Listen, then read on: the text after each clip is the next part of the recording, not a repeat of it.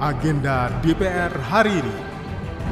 Di Brau itu ada penerbangan sebelum COVID cukup bagus karena memang di sana daerah yang potensi baik wisata maupun tambang dan merupakan satu daerah yang jauh dari kota-kota besar yang lain. Jadi transportasi yang mudah dijangkau itu adalah dengan transportasi udara. Tapi sebelum COVID ini bagus Pak. Tapi setelah COVID pada saat COVID ini berhenti dan setelah saya dengar ada beberapa kegiatan yang dikurangi.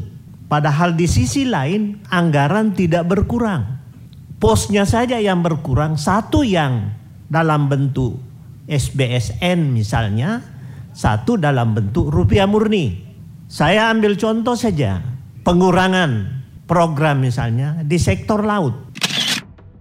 Kembali Anda ikuti agenda DPR hari ini, Selasa 6 Juni 2023. Bersama saya Doni Suprianto, kita mulai dengan agenda pertama. Pada pukul 9, berlangsung agenda pelepasan pensiun di lingkungan pegawai sekretariat DPR RI, bertempat di ruang Pansus B. Lanjut kita ke pukul 10 waktu Indonesia Barat, di mana Komisi 9 menggelar rapat kerja dengan menaker, membahas rencana kerja anggaran, kementerian dan lembaga tahun 2024. Rapat ini berlangsung secara tertutup. Masih di jam yang sama, Komisi 5 DPR RI menggelar rapat kerja dengan Menteri Perhubungan membahas evaluasi anggaran tahun 2023 dan pendahuluan rencana kerja anggaran Kementerian dan Lembaga 2024. Rapat yang dibuka oleh pimpinan sidang Andi Irwan Darmawan Aras ini dihadiri langsung oleh Menteri Perhubungan Budi Karya Sumadi. Dalam sesi pendalaman, mengemuka beberapa pertanyaan dari anggota Dewan, seperti yang ditanyakan oleh anggota Komisi 5 DPR RI Sudewo, yang menanyakan tentang sarana transportasi udara dari Jawa ke Kabupaten Brau di Kalimantan Timur. Di Brau itu ada penerbangan sebelum COVID cukup bagus karena memang di sana daerah yang potensi baik wisata maupun tambang dan merupakan satu daerah yang jauh dari kota-kota besar yang lain. Jadi transportasi yang mudah dijangkau itu adalah dengan transportasi udara. Tapi sebelum COVID ini bagus Pak. Tapi setelah COVID pada saat COVID ini berhenti dan setelah COVID tolong ini dinormalkan kembali. Ini titipan saja dan kemarin sudah saya sampaikan kepada Bu Dirjen Udara juga. Dan katanya Bu Dirjen Udara akan dicek mudah-mudahan ini memberikan harapan besar bagi masyarakat di sana. Karena kebetulan banyak sekali Pak warga kami dari Kabupaten Pati, Rembang, Grobokan, Pati dan Grobokan itu berada di sana, kerja di sana. Kaki lima Pak, pedagang-dagang.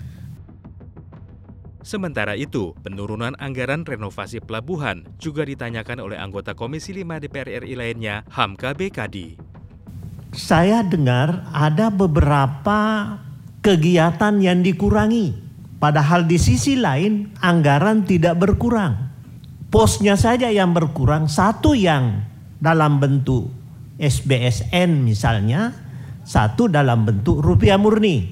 Saya ambil contoh saja, pengurangan program misalnya di sektor laut. Ada renovasi pelabuhan Bonerate yang sudah dianggarkan awal dari 11 turun menjadi 8, dengar-dengar turun lagi menjadi satu. Padahal ini sudah disepakati semua. Tolong ini menjadi perhatian apa yang menjadi masalah.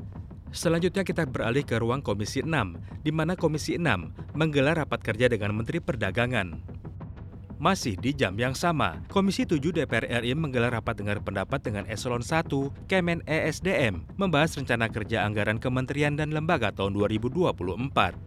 Masih di jam yang sama, Komisi 3 DPR RI menggelar rapat kerja dengan Ketua LPSK dan Ketua Komnas HAM membahas rencana kerja anggaran Kementerian dan Lembaga tahun 2024. Selanjutnya kita beralih ke pukul 13 waktu Indonesia Barat di mana Komisi 1 DPR RI menggelar rapat dengar pendapat dengan Dewas dan Dirut LPP RRI dan LPP TVRI dengan acara realisasi dan evaluasi pelaksanaan APBN tahun anggaran 2022 dan rencana kerja pemerintah LPP RRI dan LPP TVRI tahun 2024.